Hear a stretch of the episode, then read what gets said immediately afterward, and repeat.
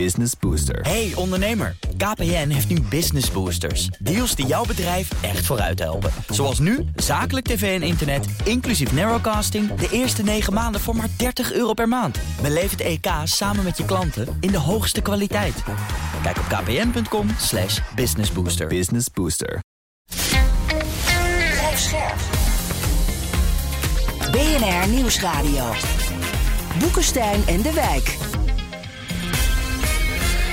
Hugo Reitsma. Dit is een extra uitzending van Boekenstein en de Wijk in verband met de oorlog in Oekraïne en de crisis met Rusland. Het is vrijdag, dag 303 van de invasie. En ik heb vandaag een echte kerstvraag voor jullie van luisteraar Stefan Lodewijks. Die zegt, als ik nadenk over kernwapens en het feit dat deze bestaan en nooit meer weg zullen gaan, dan bekruipt me wel eens het akelige gevoel dat we er als mensheid op geen enkele manier onderuit komen dat ze ooit een keer gebruikt gaan worden. En dat alleen de vraag is wanneer, door wie en op welke schaal. En Verder denkend dat dit wellicht een onontkoombaar lot is van elke mogelijke intelligente beschaving in het heelal. Leven leidt tot conflict, intelligentie leidt tot middelen om deze conflicten te beslechten en de middelen leiden onherroepelijk tot hun afschuwelijke inzet. Hoe kijken de heren of hun voorgaande lichtende voorbeelden Ah. hier tegenaan? Goed van een eeuwig er pijnzende sombermans. Ik hoop dat er ergens in het halal nog een beschaving is die niet zo achterlijk denkt eh, zoals eh, wij.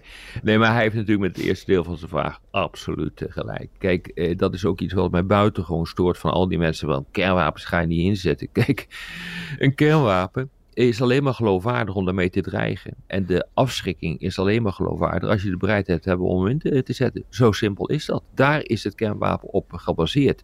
En al die mensen eh, die zeggen van dat gaat nooit gebeuren, want dat ga je niet doen, want eh, een kernwapen is er niet om te gebruiken. Dat is echt totale onzin. Eh, de, een kernwapen is nou juist wel om hem te gebruiken als het nodig is, als je vitale belangen worden geschaad. Ja, en, het, en wat ook een probleem is, van het hangt er vanaf wie er achter de knop zit. Hè? Als de persoon die achter de knop is rationeel is, nou dan zal die enige eh, moderatie en prudentie betrachten. Want dat betekent namelijk ook zijn eigen einde. Hè? Maar als de persoon irrationeel is, bijvoorbeeld als het een eschatologische beweging betreft. Hè? In het hele Iran-debat waren er dus mensen die zeiden van ja, sommige mensen die geloven dat de twaalfde imam terugkeert in Iran. En dan kan je met de inzet van dat kernwapen, kan je dat misschien ook wel bespoedigen. Hè? Ja. Nou, dat, dat is natuurlijk een probleem. Eh, dus kijk, en, en verder, ik, ik herinner me, er was een filosoof 30 jaar geleden, die, die had ook zo'n zinnetje in een boek, ik ben de naam vergeten, maar hij zei van, alles wat door de mensen hier wordt bedacht op deze aardkloot, zal ooit ergens ook worden ingezet. Hè? Hm? En ja, ik vrees dat dat waar is. Ja, maar ja, het is eh, toch ook een, een, een wetmatigheid. Als de kans groter dan nul is, dan gebeurt het gewoon een keer.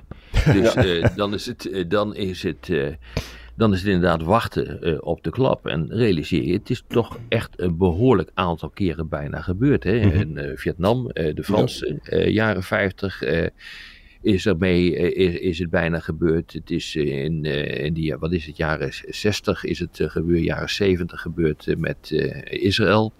Ehm, het, het is, er zijn een paar ongelukken bijna eh, Mhm. gebeurd. Ehm, nou ja, weet je, eh, de, de Cuba-crisis is natuurlijk het beste geval. Toen stonden we echt op de drempel van een, eh, een kernwapenoorlog. En ehm, ja, dat is dus ook logisch. Kijk, je zet zoiets in als je geen enkele optie meer hebt. Mhm. Eh, je zet zoiets in als eh, je vindt dat je vitale belangen, en dat is het kernbegrip, vitale belangen in het geding zijn. Bijvoorbeeld, je gaat je land verliezen. Bijvoorbeeld, eh, je gaat een oorlog verliezen.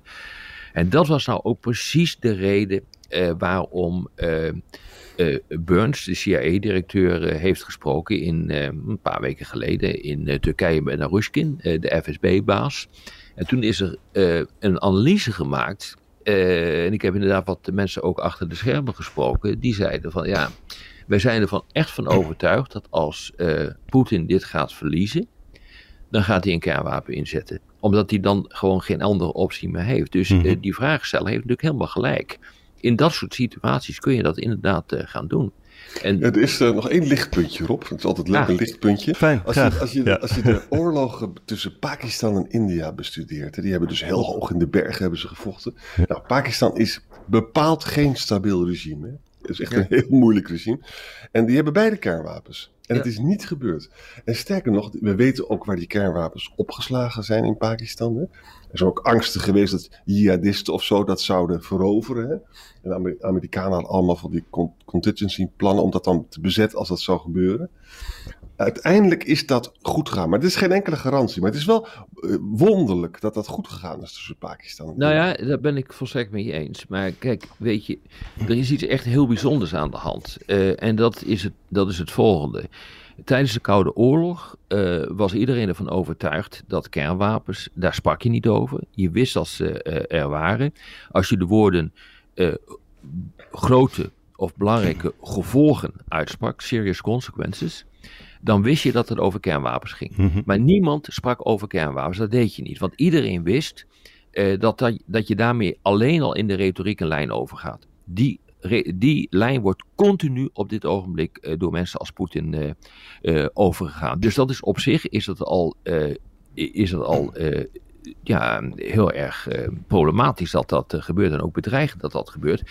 Want je kunt niet blijven dreigen uh, met uh, de inzet van kernwapens als je niet van plan bent om het ooit te doen. He, dus dat is, ja. dat is één punt. Het tweede punt is, uh, tijdens de Koude Oorlog ehm, deed je dit niet omdat je wist wat de gevolgen waren. En, wat we nu, en, da, en dat leidde er ook toe dat eigenlijk niemand bereid was om ook via een omweg tegen elkaar te vechten. En dat gebeurt nu wel. Hè? Dus het uh, voorbeeld wat Jan, Jan net noemt, is een heel goed voorbeeld, namelijk van India en Pakistan. Tijdens de Koude Oorlog werd ervan uitgegaan dat ook dat soort conflicten niet zouden plaatsvinden, omdat anders uh, het zou kunnen escaleren naar nucleair. En dat is wat je precies mhm. niet wilde. Maar nu zie je dat de Amerikanen een proxyoorlog voeren in, uh, in Oekraïne. Uh, en dat, dat, dat zou tijdens de Koude Oorlog ondenkbaar zijn. Maar ook is er een ongelooflijk conflict tussen Amerika en China. Ook twee kernwapenmogendheden. Maar ook tussen India uh, en China. Dus tegenwoordig is het denken over kernwapens uh, verschoven. En wordt er gedacht, nou, een beetje oorlog voeren kan wel. Kernwapens zullen ervoor zorgen dat het niet helemaal uit de klauwen loopt. En mhm. daarmee heb je een enorme slag in het denken gemaakt, die niet echt, uh, laten we zeggen, geruststellend is. Ja, maar, maar er is nog één ding wat ik eraan wil verbinden. Stel nou eens even scenario's, hè, dat ondanks al dat gedreig van Poetin, hij uiteindelijk dat niet in zit de komende twee, drie jaar, gesteld dat die oorlog zo lang duurt. Hè, dan komt er wel een moment dat, dat uh, die dreigende taal van hem dus gewoon denatureert. Hè. En, en ook de lessen die mensen dan gaan trekken van ja, er wordt wel uh, gesable rattled, er wordt wel met, die met dat atoomzwaard uh, gezwaaid. Maar uiteindelijk hebben de Russen het toch niet gedaan. Weet je wel? Klopt. Dat wordt wel interessant hoor, de lessen die we daaruit gaan trekken. Ja, maar dit is, ik, ik denk een van de lessen is dat uh, dit toch te risicovol is. Wat, uh, wat er op dit ogenblik uh, gebeurt. En ja, realiseer je, aan het begin van de oorlog, de Oekraïne-oorlog, heeft Poetin zijn strategische kernwapens ook in een hoge staat van paraatheid gebracht. Er ja. wordt nu iedere keer gezegd, ja, nou, hij eh, doet nog helemaal niks en uh, we zien geen beweging in die richting. Ja, daarmee wordt natuurlijk ook uh, voorbij gegaan dat dat gewoon echt op een, uh, op, op een achternamiddag kan gebeuren. Hè, daar hoef je niet een week over te vergaderen. En als je als ze dat al wel zouden doen, dan zouden ze dat natuurlijk nooit in de openbaarheid doen. Dus uh, je kunt bijvoorbeeld die tactische kernwapens, die kun je gewoon plaatsen onder, onder, een, onder een lokale commandant, om maar eens wat te noemen. Nou, dus ehm, je hoeft dat ook niet te zien, dat soort voorbereidingen. Ja, hmm. ja, ja, ja. Interessante plussen en minnen, maar mag ik dan nog eventjes bij jullie verifiëren dat jullie eigenlijk zeggen dat inderdaad de conflictueuze natuur van de mens plus de voortschrijdende technologie dicteert dat uiteindelijk de mensheid zichzelf zal vernietigen?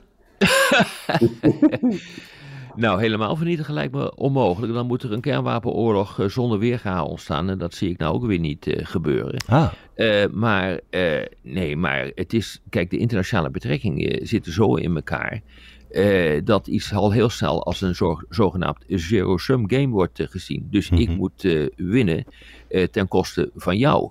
Ja. En dat maakt, mm -hmm. dat, dat maakt het gewoon heel erg lastig om grote problemen te kunnen oplossen. Dat eh, daardoor eh, blijven kernwapens altijd boven de markt eh, te hangen. En dit, dit bewijst ook, eh, dit denken, waarom het ongelooflijk moeilijk is om bijvoorbeeld tot een mondiaal klimaatakkoord eh, te komen. Dus ik zie Exact. meer, als het nou gaat over vernietiging, eh, dan zie ik dat veel meer eh, in de reden liggen dan eh, kernwapens. Weet je jongens, oorlogen horen bij mensen, of we het leuk vinden of niet. En de tweede is, we zijn allemaal tovenaarsleerlingen als je het over technologie hebt. Technologie heeft een enorme, gewoon door het er is, hè, heeft het een enorme invloed op ons leven. Een computer is eigenlijk een oplossing op zoek naar een probleem. Ja. En, en, en kernwapens, dat gaat ook ons gedrag dus ook beïnvloeden. En, eh, en soms denk ik wel eens dat technologie ons gewoon helemaal overmant. Hè? Het, is, het is geen vrolijke, geen vrolijke podcast deze. Nou ja, het is goed om je te realiseren hoe het, eh, hoe het werkt. En eh, dat veel mensen natuurlijk blijven steken in wensdenken van nou, dat gaat hij nooit eh, doen. Maar dat is gewoon niet gezegd.